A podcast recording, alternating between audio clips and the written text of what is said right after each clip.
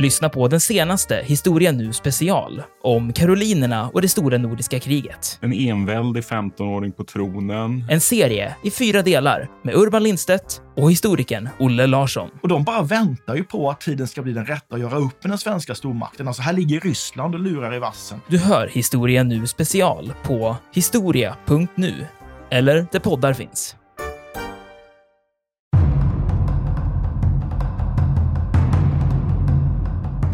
Bland annat så berättas då om, om, om eh, de här japanska kaptenerna som ska stå där helt stelt och vänta liksom och bara göra, eh, genomföra den här manövern.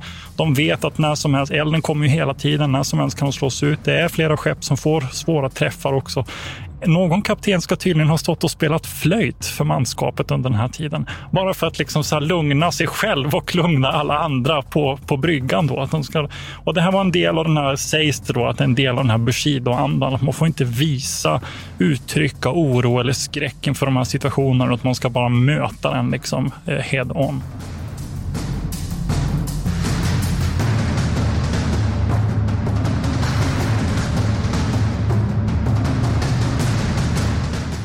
Militärhistoriepodden är podden om krig med människor och samhället i fokus.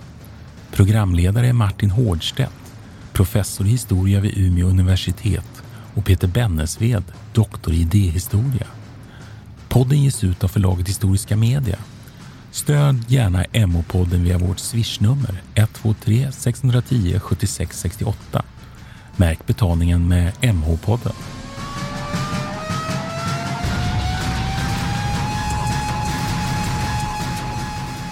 Välkomna till Militärhistoriepodden. Jag heter Martin Hårdstedt. Och sen eh, det här är Peter Bennesved då. Och idag ska vi faktiskt köra ett avsnitt om det rysk-japanska kriget 1904-1905. Och idén till det här, åtminstone vad det kommer an på mig, det kom faktiskt från en student i Åbo som jag hade vid tillfälle för några år sedan, som kom fram och frågade skulle ni inte kunna göra ett avsnitt om rysk-japanska kriget? Så här kommer det. Eh, och då kan man väl säga först, vi skulle kunna börja i den ändan faktiskt. Varför är det så att rysk-japanska kriget på många sätt faktiskt är lite bortglömt i den militära världshistorien? Skulle du kunna börja Ja. där tycker jag. Ja, men är det inte för att... eh, jag tänker att det liksom överskuggas av första världskriget egentligen.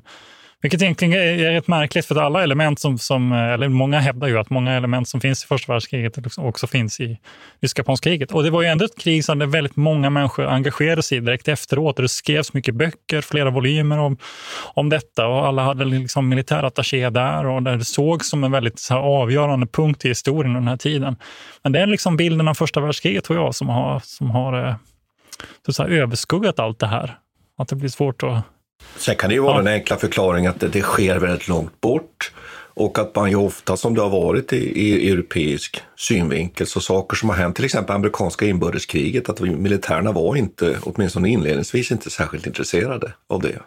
Nej. Och att man har det hela tiden, det här att ja, men det där, det där borta, man också kanske det- såg nedlåtande Ja, på, jo, på kanske. japanerna också i viss. Och att vi kanske i efterhand inte uppfattar att det här var betydelsefullt. Fast ändå skulle jag ändå säga så här att någonting som man har också tagit med sig om det här kriget är ju att det också blir ett slags internationellt mediadrev kring det här kriget. Mm. Jo. Att det blir just trots, trots att det är så långt bort, att det faktiskt får väldigt stort genomslag. Och kanske framförallt har väl det här med, som vi ska prata om, den här Östersjöflottan, den ryska Östersjöflottan, när de påbörjar sin seglats till, till Stilla havet, så blir det här som ett slags media-event som har Mm. skildrats under hela och, hela. och det är omgärdas av massa eh, kontroverser och, och de skjuter på gamla oskyldiga fiskare och lite allt möjligt. Så jag, så jag skulle delvis motsäga det att det blir väldigt, väldigt känt, men du har säkert rätt också att det, avståndet är... Mm. Ja, eller så är det som det ofta är, att det är samtiden har stor betydelse som du säger. Men att vi i efterhand, 100 år efter, 150 år efter, 120 år, så har vi inte samma intresse för det. Så kan det säkert vara. Men, men nog om det. Man kan väl konstatera att kriget får stor politisk betydelse i och med att det ju faktiskt triggar och sätter igång den första revolutionen i Ryssland. Och det är också eh, som jag tycker vi kan komma in på och börja resonera kring, alltså krigets ursprung. Att det har ju väldigt mycket att göra med Japans framträdande som världsmakt måste man väl säga. Åtminstone stormakt borta i, i Sydostasien eller Nordostasien kanske man ska säga. Och där man ju på allvar börjar att utmana i det här fallet nu då Ryssland och det som ju sen kommer bli den stora utmaningen där man ju faktiskt går bet utmaningen mot USA sen under andra världskriget. Och att det har pågått krig i Kina som är avslutat 1895 och att i den där freden så får Japan då tillgång till, för det första Korea, men man får också kineserna tillgång till den här flottbasen Port Arthur som alltså ligger inne i Gula havets inbuktning på en udde, alltså norr om Korea, men som ansluter det som är Manchuriet. Och i Manchuriet kontrollerar Ryssland, så här har vi konflikten. Det är imperialism. Och ryssarna som vill tränga fram kontrollerar man, eh, Manchuriet, de håller på att bygga sin transsibiriska järnväg för att nå fram till mm. Vladivostok. Och här har vi så att säga den ursprungliga konflikten, att, att Japan Precis. vill åt det här. Då. Jag kan tillägga några grejer här. att eh, Det, det japanerna vill ha, det är ju delvis av historisk hävd då, som har intresserat sig för Korea, men det är också, eh, man vill mm. intressera sig för deras naturresurser. Japan är ganska isolerat och de har svårt att försörja sin egen befolkning och blir beroende av import. Så därför går ganska tidigt så ser man Korea som en möjlighet för att expandera. Och, och, eh, och, samtidigt ser man likadant på Manchuriet då, som finns. Det finns mycket, det är ett ganska lågt utvecklat område, men det finns mycket gott om naturresurser. Och där tänker man sig då att man skulle kunna eh, utnyttja den i exporten. Och grejen att Port, Port Arthur är ju egentligen porten ut där. Det är så den hamnen egentligen där resurserna från Manchuriet då kan forslas ut. Och en annan viktig sak här som vi inte får glömma bort är att Port Arthur, den här hamnen, dels är den skyddande men också isfri. Just vilket gör stor skillnad Ryssland. För ryssarna, de har ju sin hamn uppe i Vladivostok som ligger strax norr om den kinesiska mm. gränsen mot Ryssland. Och den transsibiriska järnvägen når, va? men den är ju också, den fryser igen på vintrarna. Mm. Mm. Så då bygger man den här rälsen bland annat. Och de försöker, och det är, lite, det är ju intressant att de försöker då manövrera ut den kinesiska vad ska man, kan man kalla det, regering, men den kinesiska regimen i den meningen den finns. Liksom, det här, de är ju väldigt eh, decentraliserade och har väldigt svårt att hävda sig i det internationella sammanhanget här. Ja, kejsar, kejsarmakten är ju gungning i, i Kina. Ja, den kommer precis. att kollapsa totalt så småningom, som du säger. Och man manövrerar ut den här kejsarmakten i princip och ser till så att man får möjligheten att bygga den här järnvägen som går ner till Port Arthur. Den här eh, manchuriska mm. järnvägen. Och detta retar ju japanerna något fruktansvärt, mm. för det innebär ju också att de kan ta ner eh, trupper via den här vägen. Den har också stort mm. militärt värde och inte bara handels eh, och ekonomiskt värde. så att säga. Och Det finns också en uttalad, i, eh, uttalad idé här nu från, från, eh, från ryskt säga, sociokulturellt håll att man ska då civilisera den här regionen. Vilket eh, går precis tvärs emot vad japanerna vill, som snarare ser sig själva som arvtagare av någon slags eh, hegemonisk eh, situation här i Asien. Så att de, vill, de konkurrerar ju om detta.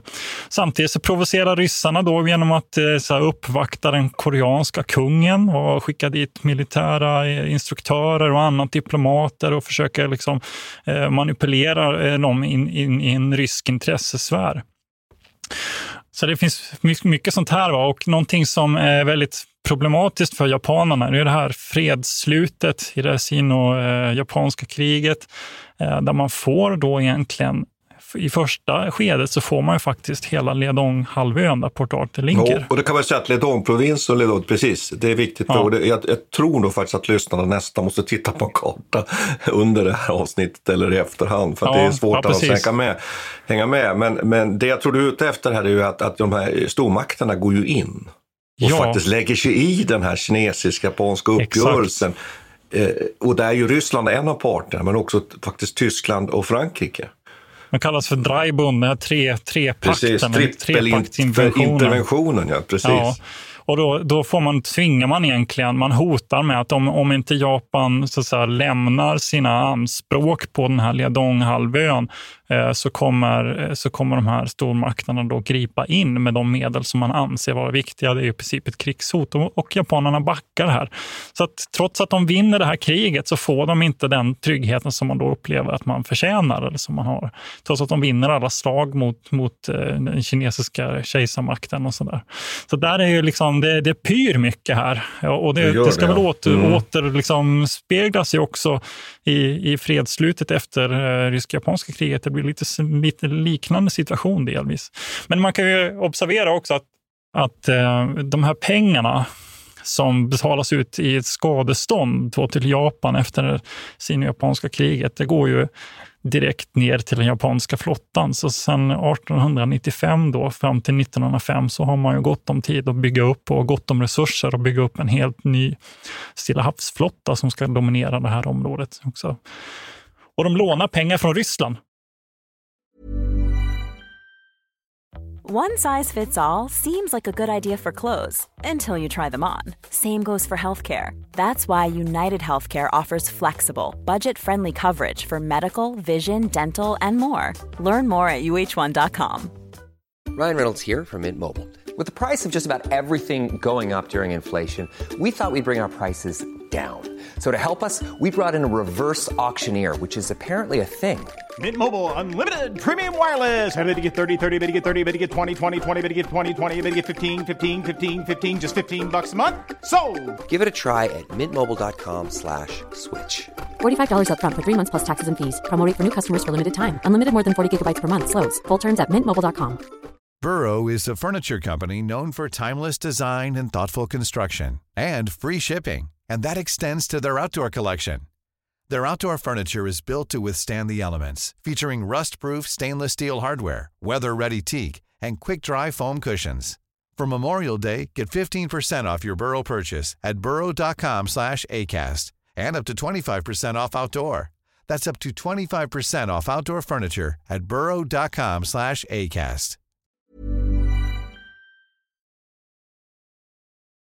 Men jag tycker att man skulle kunna säga så här, det anknyter också till en gammal tanke från de här eh, västeuropeiska makterna, eller egentligen europeiska makterna då. Och den är ju att man vill ha en öppen dörr i Kina. Det är ju från den gamla liksom, imperialistiska tiden. Vi har ju, vi har ju faktiskt haft ett avsnitt om det här faktiskt, hur stormakterna med opiumkrigen och så vidare och vill hålla Kina öppet. Och, och där är man ju då alltså mot Japan, att man vill inte ha Japan in här, för då menar man att då kommer in en stark makt som dominerar, då kan man själv inte profitera på de här områdena. Men det som händer är ju, för, för att avsluta den där diskussionen, den är ju att 1903 så strandar de här förhandlingarna mellan Japan och Ryssland där man försöker på något sätt komma överens. Och Japan beslutar sig helt enkelt för att eh, anfalla, gå i krig, få en militär lösning på det här problemet. Och en förutsättning också att Japan 1902 då har allierat sig eh, med Britterna, britterna ja. och då, där de har en pakt där helt enkelt säger att om det ena eller andra landet blir anfallet av två eller flera eh, motparter så måste de gripa in och hjälpa varandra. Så att då, det gör skapar en möjlighet för Japan att bedriva ett, så här, ett isolerat krig med bara Ryssland. Då vet de att mm. ifall andra sluter upp på Rysslands sida så kommer vi få stöd från britterna. Annars kan vi sköta den här konflikten själv. Och då tycker jag man kan skjuta in en sak här som har ju med första mm. världskriget att göra. Att det här är precis ju på, på, på randen till den här stormaktsupplösningen och precis vid den här tiden, 1904, 1905, 1906 och så vidare, då håller ju de här stora allianserna i Europa på att sätta sig. Och här nu märker vi ju att Ryssland, Tyskland och Frankrike samarbetar. Så är det ju inte sen under första världskriget. Så att det här är precis i skiftet. Ja. Där, där britter, fransmän och ryssar så småningom kommer att hitta varandra i entanten och sen Eh, Tyskland med, och, eh, så att säga, bygger upp en egen allians. I, men det här är alltså precis strax före det och det tycker jag gör ju det här rysk-japanska kriget så, så väldigt intressant. Att det är precis där. Men, men det får tillägg på det, det är att britternas eh, spionage här via telegraflinjerna gör ju det uppenbart då att, att faktiskt Tyskland är med och hetsar på ryssarna här. Ja, just det. Mm. Ja, och de säljer också kol till, till dem mm. ute vid havet. De får inte, de får inte lasta på kol med sin, med sin Östersjöflotta på vägen till Japan då, för att, eh, i de här neutrala hamnarna eftersom de är krigförande. Men tyskarna hjälper dem ute till havs. Så tyskarna ger det på och, det ser ju britterna och det är där vi ser det här, och precis som du säger, den här skiftningen då, att man börjar inse att Tyskland håller på att manipulera Ryssland fram och tillbaka och börjar bli liksom en, en makt i sig. Men för att förklara liksom lite nu de här militära förutsättningarna här så är det ju så att, att på plats regionalt då, alltså det operativa problemet, det är ju att japanerna vill ta Port Arthur.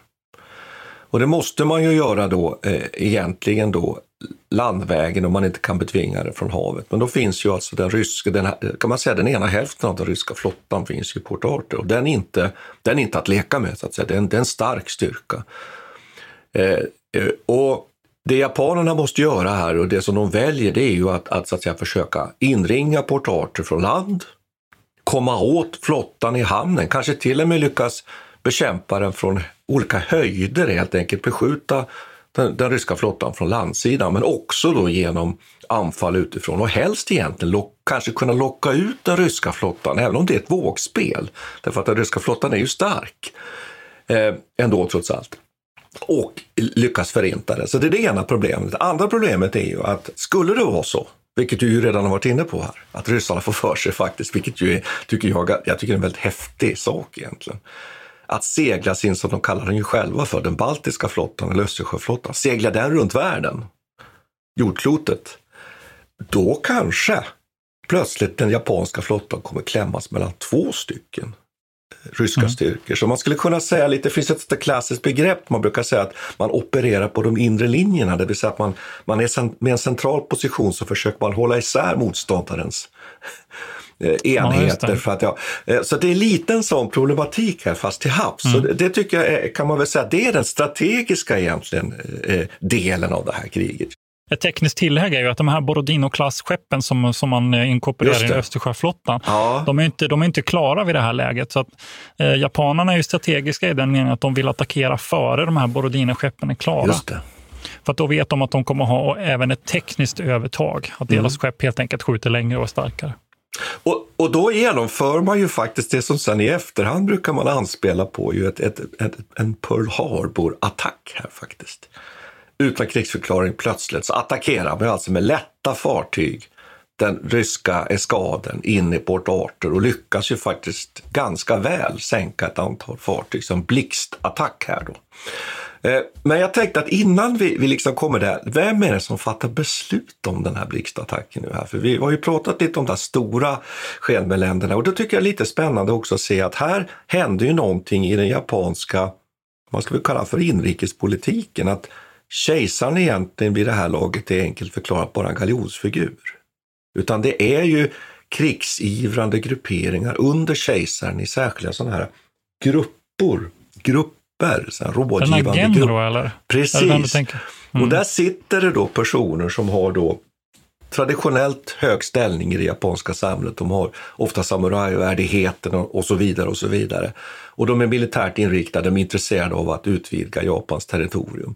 Så det tycker jag är viktigt att komma ihåg och det är samma så att säga militär personligheter, militärt inriktade personer, militaristiskt inriktade personer som sen så småningom driver fram Japans ju krigsförklaring mot, mot USA. Så det tycker jag det finns här liksom en mm. linje mellan det här och framåt. Tycker jag, jag tror att vid det här laget så finns det två medlemmar i den här Genro, det här rådet av äldre som är direkt ja. under kejsaren. Två av dem var amiraler och generaler från, från sino-japanska kriget också. Som var, man kan ju tänka sig då att det kanske fanns en slags eh, revanschistisk Ja, titta, titta, vi slogs, vi, vi blödde, men vi fick ja. ingenting. Nej, och, och, och, nu måste vi göra någonting åt det. Så sagt och gjort så inleds ju det här anfallet och det första anfallet och det plötsliga anfallet, det kommer då 8 februari 1904 som vi har beskrivit då. Sen, sen kommer ju nästa steg och det är ju att japanerna ju från Korea då, dels från koreerna går över Julai-floden och försöker liksom stänga av Port Arthur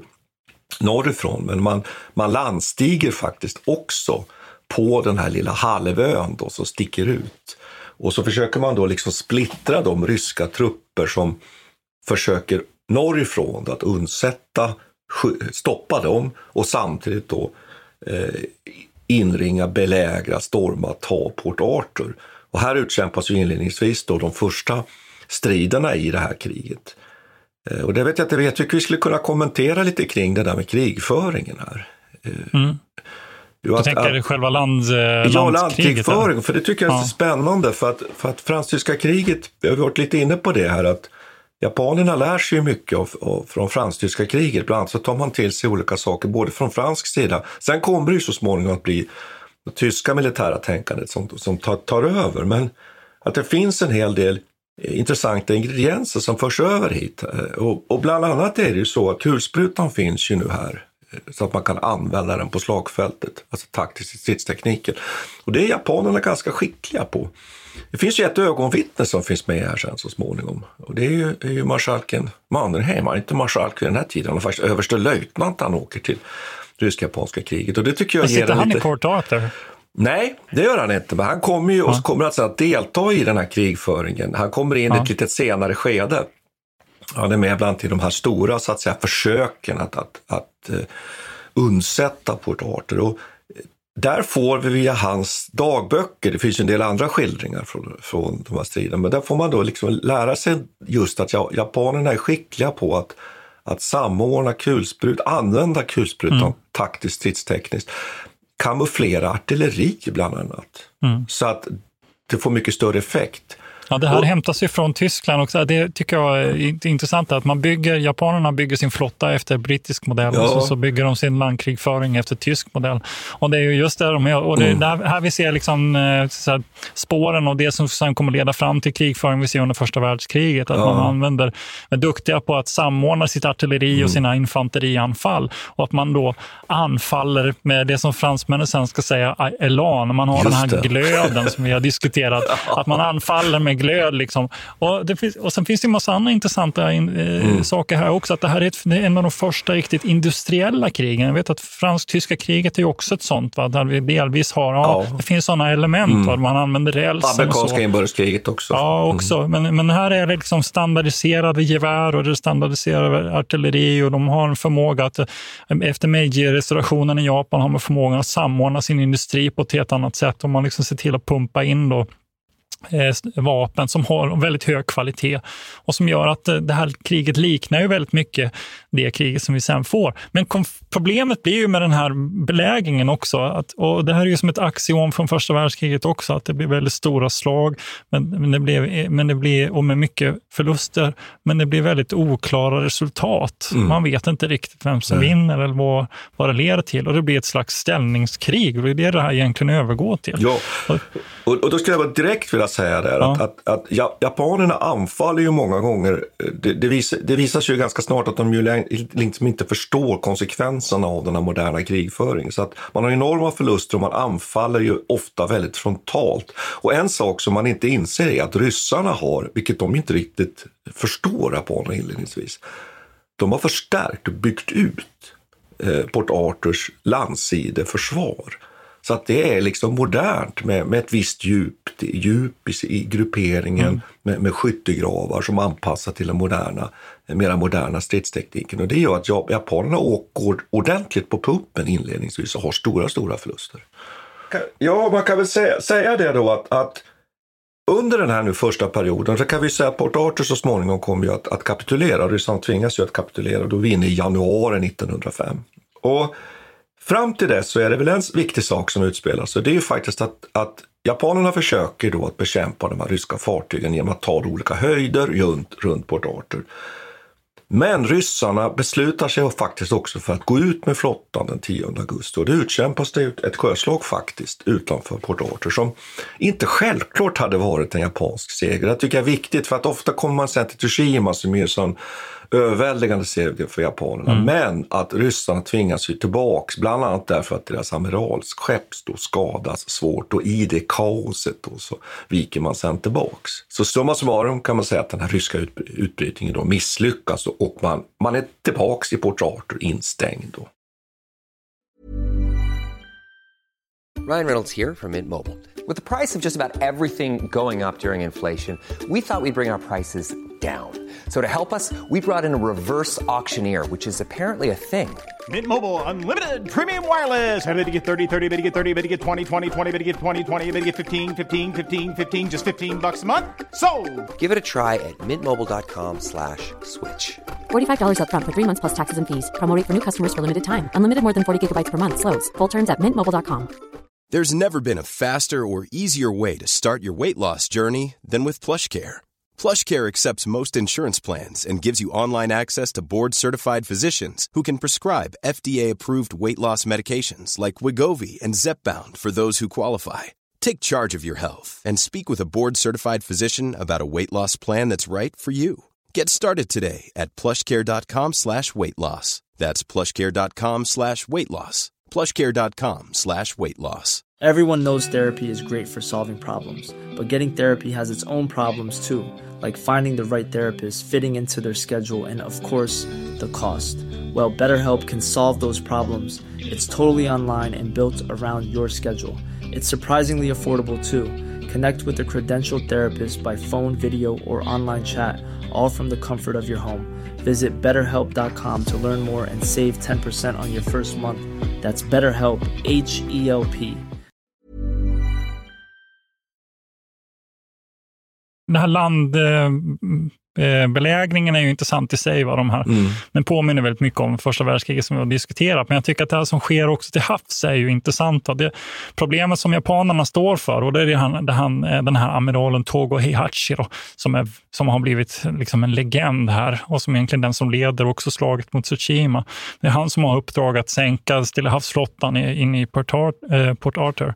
Mm. Men det, de, det problemet de står inför det är ju att de här höjderna runt Port Arthur, där finns väldigt mycket eh, artilleri, så man Mm. kan egentligen inte närma sig eh, kusten för nära. Utan, eh, det, det man vill göra är antingen är ju att sänka så att säga, höst, eh, Stilla havsflottan inne i Port Arthur eller stänga in dem.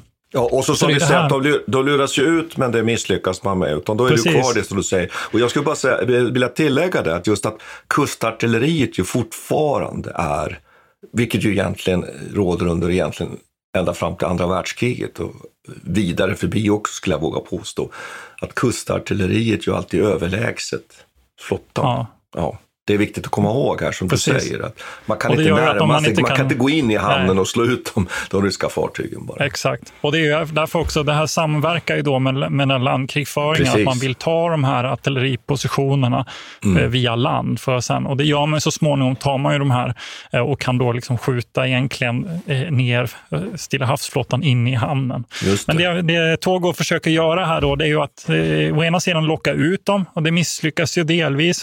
De får vissa de försöker, ryssarna försöker fly, men ja, Mm. de flyttas tillbaka. Man försöker också minera Just det, min- minstrid, och det, här är ja. det här är precis, det här är lite nytt för den här tiden. Det är två saker som är ganska nya. Dels är det de här torpedbåtarna då som, som, eh, som Togo och japanerna försöker med i den här överraskningsmanövern, men också mineringskriget som förs här. Och det får en väldigt dramatisk effekt här, för att någonting som händer på den ryska sidan är att man kallar in Makarov, den här kände amiralen Makarov, som är både en vetenskapsman och en stor strateg under den här tiden och som skriver böcker och, och är väldigt en känd eh, liksom, militär, en hjälte inom det ryska imperiet.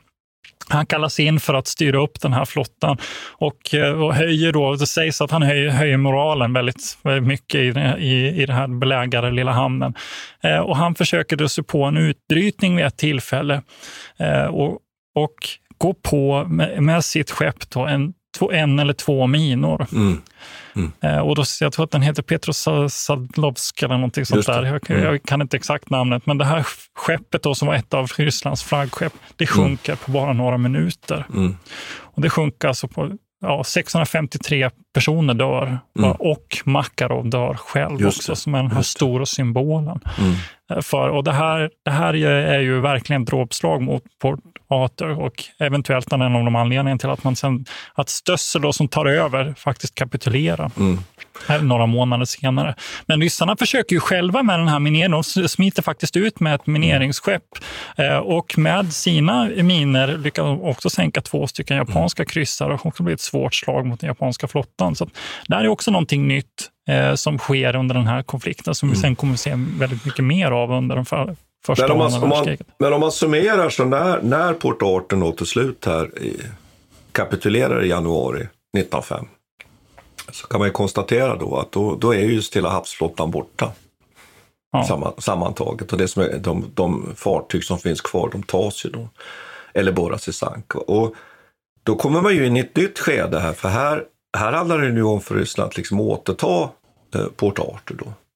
Och försöken liksom då att, att rädda och återta eh, Port, Port Arthur, det är ju det som blir nu så att säga eh, tankarna. Och här, här nu i det här skedet faktiskt så finns Mannerheim med eh, som officer vid kavalleriförbandet, kavalleriregementet. Det tycker jag är lite spännande. Man kan väl nämna det att, att faktiskt Mannerheim han är lite desillusionerad vid den här tiden i sitt liv.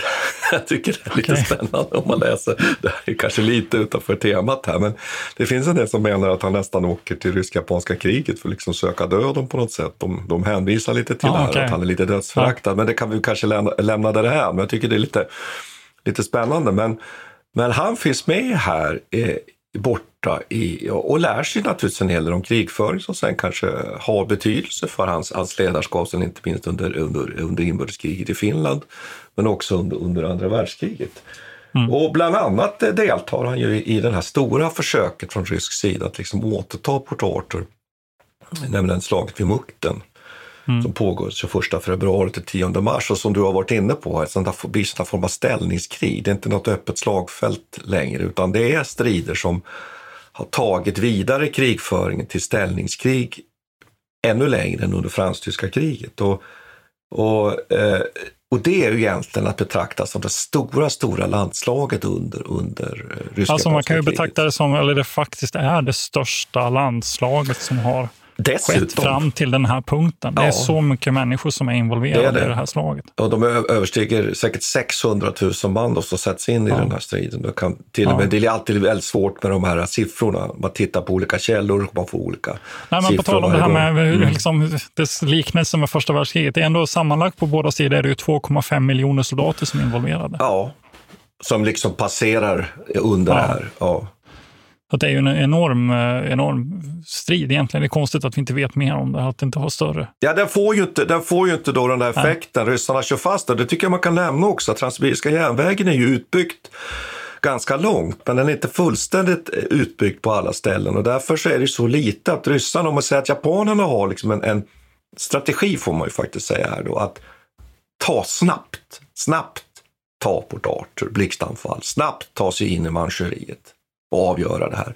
Så från ryssarnas sida handlar det snarare om att upp, fördröja, därför att man ska kunna bygga klart, utveckla Transsibiriska järnvägen för att naturligtvis då ha sina underhållslinjer i bättre skick för att kunna få in förstärkningar. Men sen kommer vi till det som väl egentligen är den stora aptitretaren får man väl säga. Under, ja. under. Får, får, man prata så där? Jag vet inte, Nej, jag vet inte men det, jag får lite det gåshud. Är så det är liksom gåshud activate känner jag. Exakt. Att, att plötsligt då så, så dyker så småningom Östersjöflottan upp här. Den har ju börjat ja. sin väg från Baltikum och du var ju lite inne på det här att man, man är ju oerhört rädd från rysk sida. Alltså man, man beskjuter ju vid Dogers bank och beskjuter man ju några fiskebåtar. Ja. Ja, det finns ju en, det teorin här. Ja, precis. Alltså, det är ju ganska... Dock, var ligger det? Är det i Engelska kanalen? Eller ja, det är strax före liksom, Engelska kanalen ja. från, från Danmark. Ja, det, ja. det som händer är ju att de, här, de är ju ganska skraja va, när de ger sig iväg. För alltså, de har ja, och problemen med... För att just för de här torpedbåtarna har man ju då lärt sig att det här var ju ja. någonting som måste passa sig för. Även ubåtar existerar ju under den här tiden och precis en, liksom en ny revolutionerande teknologi. Så de ger sig ut här och ska ta sig runt i den här enorma... Det tar ju sju månader att ta sig runt från, från Östersjön till till eh, slutligen Tsushima-sundet.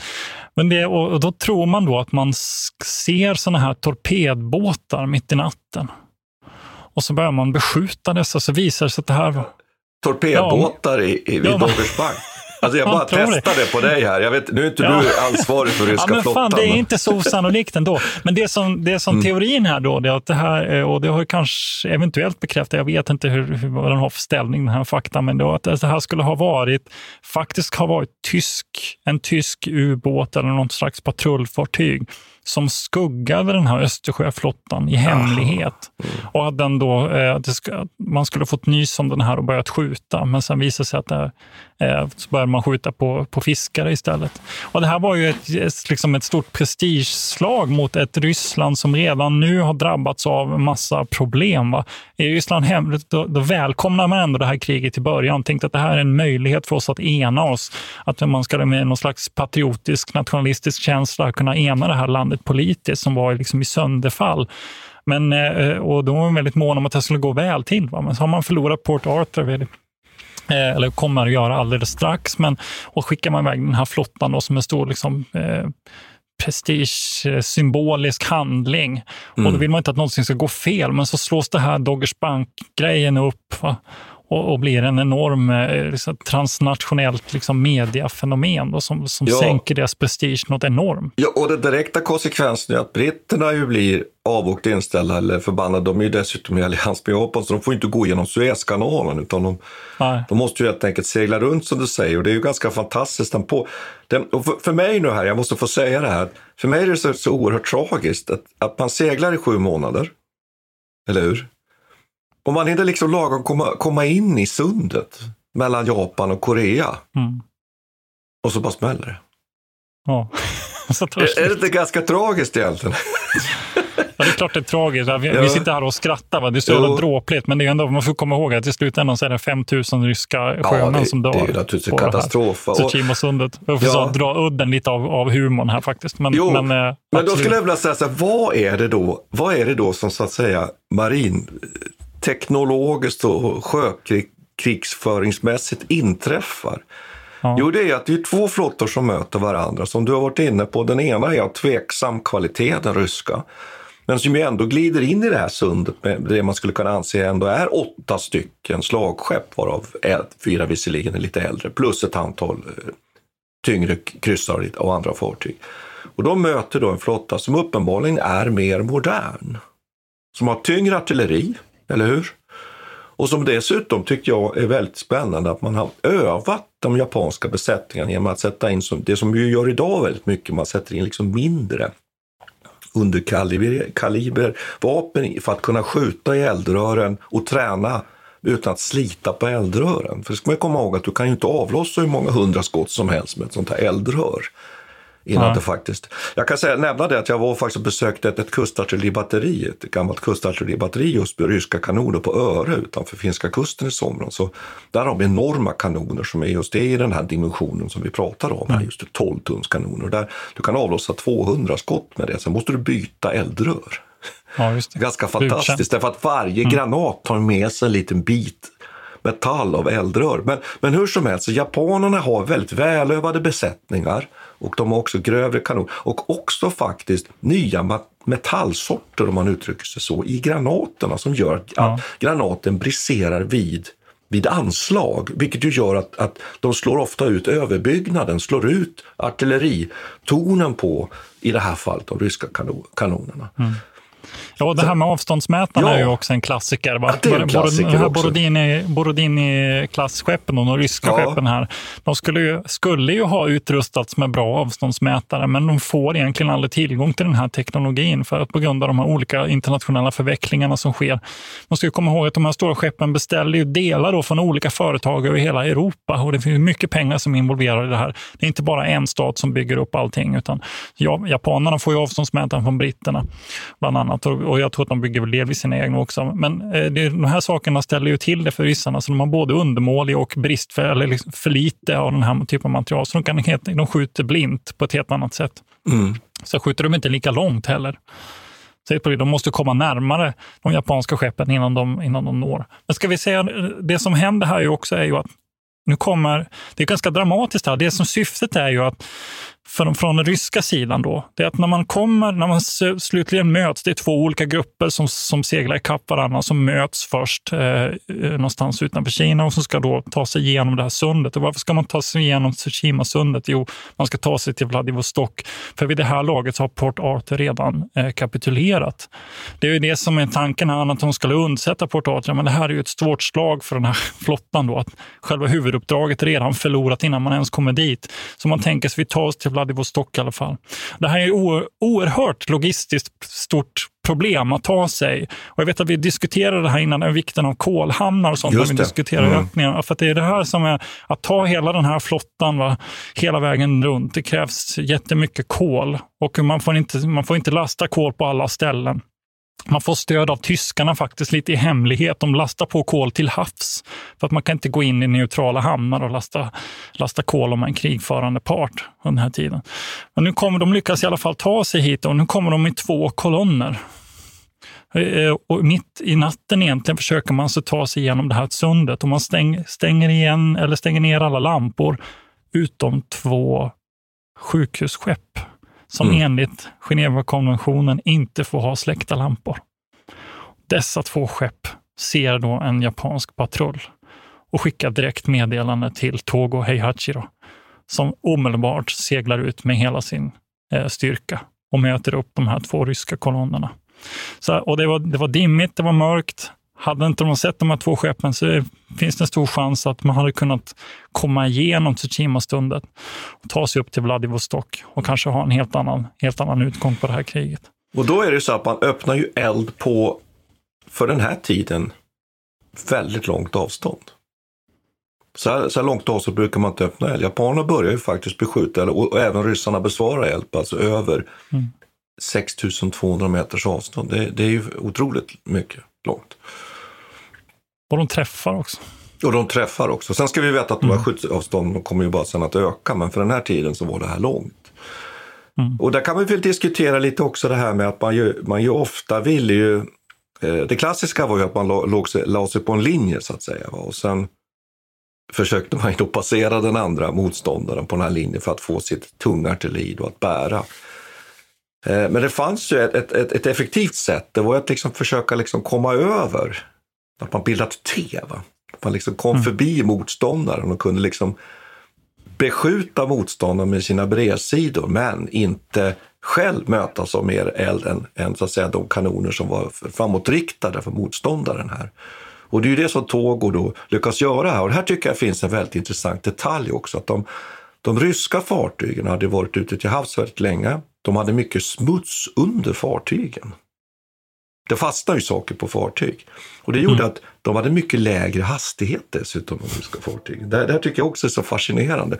Så det finns beräkningar som att säga, att de, bara, de kunde liksom bara tillsammans komma upp i ungefär en åtta knop eller någonting sånt där. Jag tycker det låter väldigt lågt. Men att, men att japanerna skulle då ha haft, haft en hastighet som var långt över dubbelt så mycket.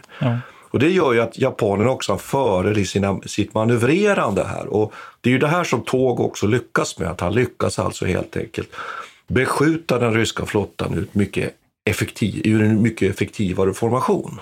Just det. Och vad säger, och det här är en av orsakerna också till att eh, Togo då har blivit hyllad. Så eh, hans roll har fått en väldigt, alltså, har blivit upphöjd för hans strategiska tänkande. För det han gör här nu, när han kommer ju från öster nu och möter då en, eh, två kolonner som kommer söderifrån. Och om han korsar det här T för tidigt, då glider han själv ut med sitt flaggskepp för långt iväg och kommer ganska snart missa själva striden. Så att det han försöker göra då är att han passerar de ryska kolonnerna och slår en slags ögla på sin egen linje. Han vänder helt enkelt på runt en slags, som man kallar det, som en imaginär boj. Liksom. En liten rund... Mm. Och som alla vänder på samma ställe, de, det är viktigt De vänder på samma ställe så att man håller, behåller linjen intakt. Och att man då kommer i samma riktning som de här två kolonnerna. Alltså man seglar åt samma håll så att säga, men har då möjligheten att att eh, korsa linjen från andra, andra hållet. Men det, vågspelet här då, det är ju att när de, medan de gör den här öglan så exponerar de sig då för rysk eld. Ja, för skjuter Och de- ryssarna in sig på den punkten, Ja, exakt. då kan de ju kan koncentrera precis. sin eld. Ja. Och då kan de köra hela, då kan de skjuta mot den, hela den japanska linjen Ja. egentligen och de kan inte göra så mycket tillbaka. Nej, just det. Så där är ett Mm. oerhört vågspel. Och det här, alltså det, eh, det här Bushido-andan finns ju med här. Då. Det finns mycket Mm. historier om hur den här öglan går till. Då. Togo går givetvis själv först och visar vägen. Mm. Och sen så är det, bland annat så berättas det om, om, om eh, de här japanska kaptenerna som ska stå där helt stelt och vänta liksom, och bara göra, eh, genomföra den här manövern. De vet att när som helst, elden kommer ju hela tiden, när som helst kan de slås ut. Det är flera skepp som får svåra träffar också. Någon kapten ska tydligen ha stått och spelat flöjt för manskapet under den här tiden. Bara för att liksom så lugna sig själv och lugna alla andra på, på bryggan. Då, att de ska, Mm. och det här var en del av den här, sägs det då, att en del av den här Bushido-andan. Att man får inte visa, uttrycka oro eller skräck inför de här situationerna. Att man ska bara möta den liksom, eh, head on. Och det här lyckas i den här manövern, den här öglan som de slår. Och det är också den som gör att man får en sån oerhört eh, säga, bra eh, inledning i det här och lyckas sänka så många ryska skepp. Ja, för det kan vi väl säga här då att, att det, det är lite beroende på om man återigen tittar på för källor här så kan vi väl säga det att ryssarna förlorar ju i den här striden då ungefär sju större fartyg som ju sänks. Och att, att många av de här fartygen faktiskt sänks av sina skador under, under striden. Fyra kapitulerar. Vi ska säga att slaget pågår egentligen två dagar tycker jag vi kan också säga här. Mm. Det- Och att efter den här, vad ska vi säga, slagskeppsartilleriduellen så, så överlåter ju japanerna till det som vi har varit inne på här ju. De lättare fartygen, torpedbåtarna, tar hand om resten. Eh, sammanfattningsvis är det ju så att det, det är något halvstort ryskt fartyg och några mindre som egentligen kommer undan. Och det Japan Mm. egentligen förlorar är ju ett antal väldigt lätta fartyg, ett antal torpedbåtar. Mm. Så man kan säga att man förintar ju i stort sett, tar eller sänker eller allvarligt skadar. Det kan vi säga att en del av de ryska fartygen också borras ju sank av sina egna besättningar. Så att den sopas ju bara bort egentligen. Ja. 5 000 ryska sjömän där kan man Ja. eh, duka under mot då 167 på den japanska sidan. Ja, och det... Då förstår man ju proportionerna. Ja, och chocken är ju total. Dels är det ju så att Ryssland står ju utan faktiskt eh, eh, eh, flotta. Och här skulle jag faktiskt vilja säga att, att det, här, det här batteriet som jag besöker i somras på Örö utanför finska kusten. Det byggs egentligen tillsammans med alla andra batterier. Det fanns tidigare ska jag ju säga då, men det, det utvecklas ju hela kustförsvaret i Finska viken. Just på grund av att man måste Martin, så- stänga är- Finska viken Ja. för man har ingen flotta längre. Så där Men ser man så hur- att, är det, ja, får jag bara fråga, är det, är det så att alla vägar leder till Finland? Din, alla, din alla vägar, det tror jag lyssnarna vid det här laget har förstått, att alla vägar leder till Finland. Men visst är det spännande? Jag måste bara säga Ja. det, att, alltså att satsningen på det som man kallar för Peter den stores sjöfästning i Finska viken, att stänga av hela Finska viken artilleristiskt med kustartilleri och minfält och sådana saker. Den, den satsningen ökar ännu mer efter att man helt enkelt inte har någon flotta. Och det är Ja. Mm. efter rysk-japanska kriget. Fast, Fantastiskt. Visst var det bra Peter? Absolut. Hey, it's Danny Pellegrino from Everything Iconic. Ready to upgrade your style game without blowing your budget? Check out Quince. They've got all the good stuff shirts and polos, activewear, and fine leather goods, all at 50 to 80% less than other high end brands. And the best part? They're all about safe, ethical, and responsible manufacturing. Get that luxury vibe without the luxury price tag. Hit up quince.com slash upgrade for free shipping and 365 day returns on your next order. That's quince.com slash upgrade. Even when we're on a budget, we still deserve nice things. Quince is a place to scoop up stunning high-end goods for 50 to 80% less than similar brands. They have buttery soft cashmere sweaters starting at $50, luxurious Italian leather bags, and so much more. Plus, Quince only works with factories that use safe, ethical, and responsible manufacturing. Get the high-end goods you'll love without the high price tag with Quince. Go to quince.com slash style for free shipping and 365-day returns. When you need mealtime inspiration, it's worth shopping Kroger, where you'll find over 30,000 mouthwatering choices that excite your inner foodie. And no matter what tasty choice you make, you'll enjoy our everyday low prices, plus extra ways to save, like digital coupons worth over $600 each week. You can also save up to $1 off per gallon at the pump with fuel points. More savings and more inspiring flavors make shopping Kroger worth it every time. Kroger, fresh for everyone. Fuel restrictions apply. Ska vi runda av eh, själva liksom, stridigheterna? Det som är efter slaget i Tsushima Mm. så är det uppenbart här att det det egentligen inte finns någonting mer att göra. Och likadant, slaget i Mukden är ju de, den avgörande landstriden som förs och efter detta så söker man då fred. Och då är det faktiskt amerikanarna, eh, Theodore Roosevelt, som tar initiativet och bjuder in båda parter till Portsmouth 1905 och där diskuterar man då eh, ett fredstraktat som man kommer överens om. Mm. Och det är ju lite, och här eh, återupprepas ju lite grann den här eh, problemen som var redan med sino-japanska kriget. Det är att man inte, man vinner egentligen alla, japanerna vinner alla strider.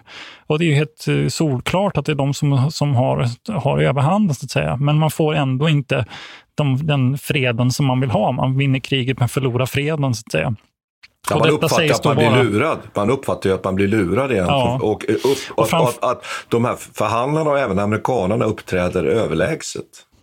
Mot Visst, och det man, det man upplever att man förlorar då, det är eh, rena liksom landområden Mm. i, på den korea- koreanska halvön som man tänkte sig att man skulle få. Då. Man får lisa, man får ta över ryssarnas eh, avtal för Port Arthur i 25 år. Mm. Eh, ryssarna eh, accepterar att, att eh, evakuera hela Manchuriet och, och japanerna får liksom kontroll över Koreahalvöns ekonomiska eh, och militära eh, liv, eller vad man ska kalla det. Men man får inget eh, krigsskadestånd från Ryssland.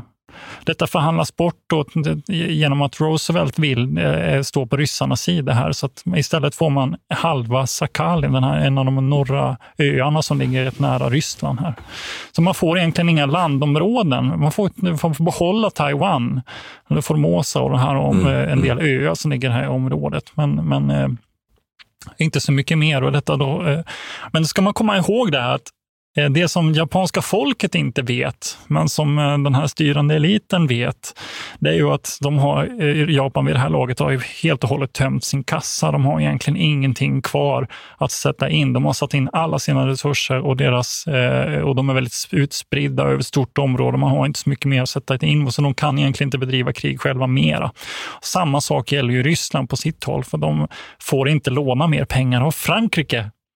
Så, så här är ju Eh, den fonden som sen ska leda till Pearl Harbor kan man väl säga att man eh, vill ha man vill ha tillbaka det här. Eller man, vill, man vill, finner sig inte i den här situationen, utan man vill fortsätta expandera in mot Manchuriet och ha en koreanska halvön, för den här konflikten har riktigt löses. Ja, och att, att, att förspelet till andra världskriget i det här området också med de här anfallen mm. sen in i Kina och så vidare. Så här finns det en koppling. Och sen skulle jag vilja lyfta upp in en annan koppling som jag tycker är jätteviktig. Det är att man brukar säga så här att ryska revolutionen, eller tsardömets fall, beror ju på egentligen två militära konflikter, två kriser skulle man kunna uttrycka det.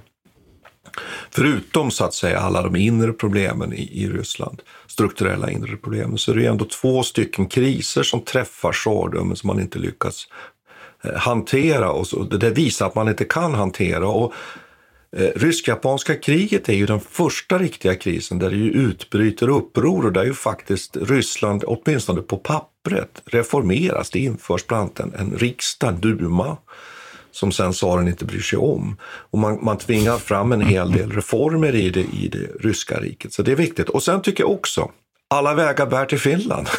Peter.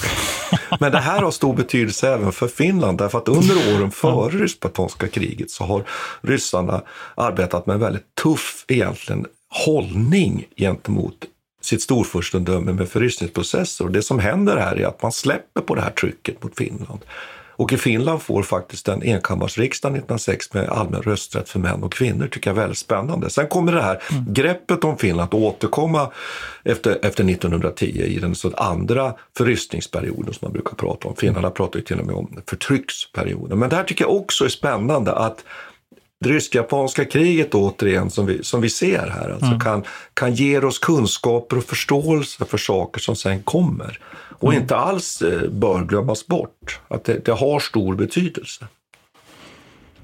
För, för att avsluta det där temat också kan jag säga att vi förra avsnittet pratade vi om fortsättningskriget och då diskuterade vi bland annat kritiken mot Mannerheim. Ja. Eh, och att hans, hans befälsordning där, och att de inte riktigt nöjda med det sättet som han hanterade den här konflikten att han, hade, där. att han hade liksom eh, stab, stabsarbete ja, eller högkvarteret på fickan precis. och inte och, kollegialt diskuterade olika exakt.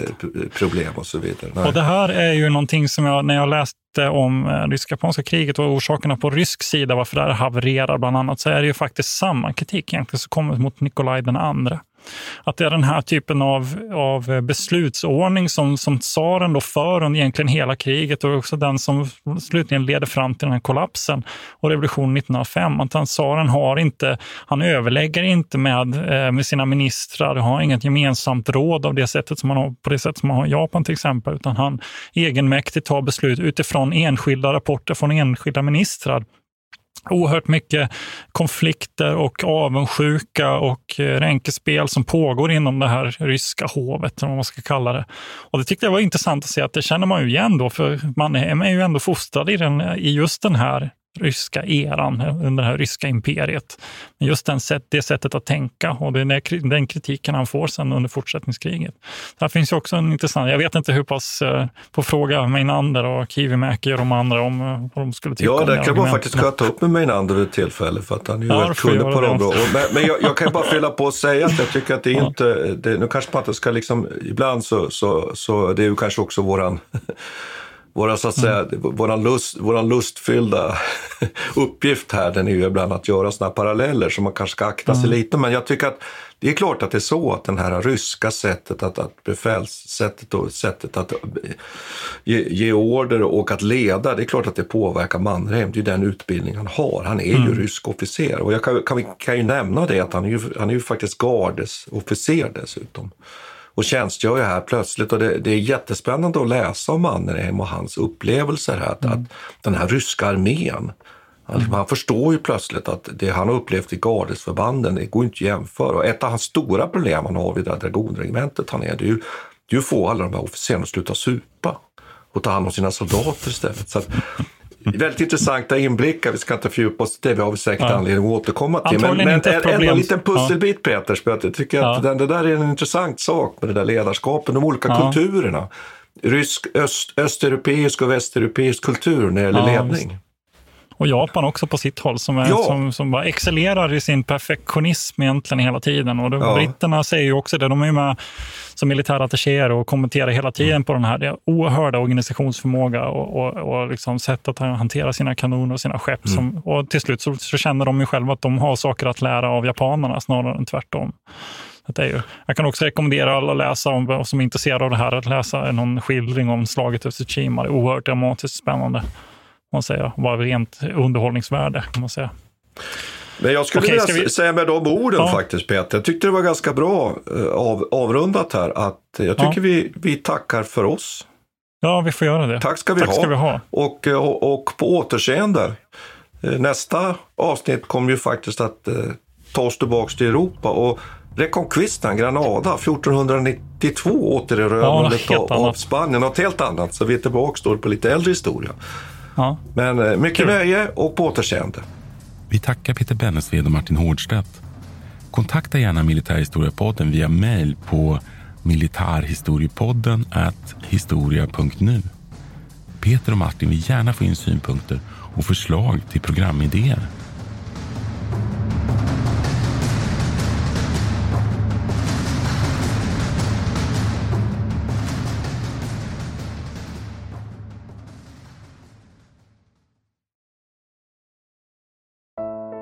Iran har under 1900-talet genomgått tre omvälvande revolutioner som orienterat landet antingen mot västerlandets modell eller mot en auktoritär styrelseform. Idag pågår en social revolution i landet som vänder sig mot det islamistiska styret och vars anhängare har Europa och väst som förebilder. I en viktig bok ger idéhistorikern Mohammad Faslashemi en djupare förståelse för dagens dramatiska händelseutveckling. Iran mellan tre revolutioner är utgiven av förlaget Historiska Media. Beställ den fysiska boken på förlagets hemsida historiskamedia.se eller köp den i en bokhandel nära dig.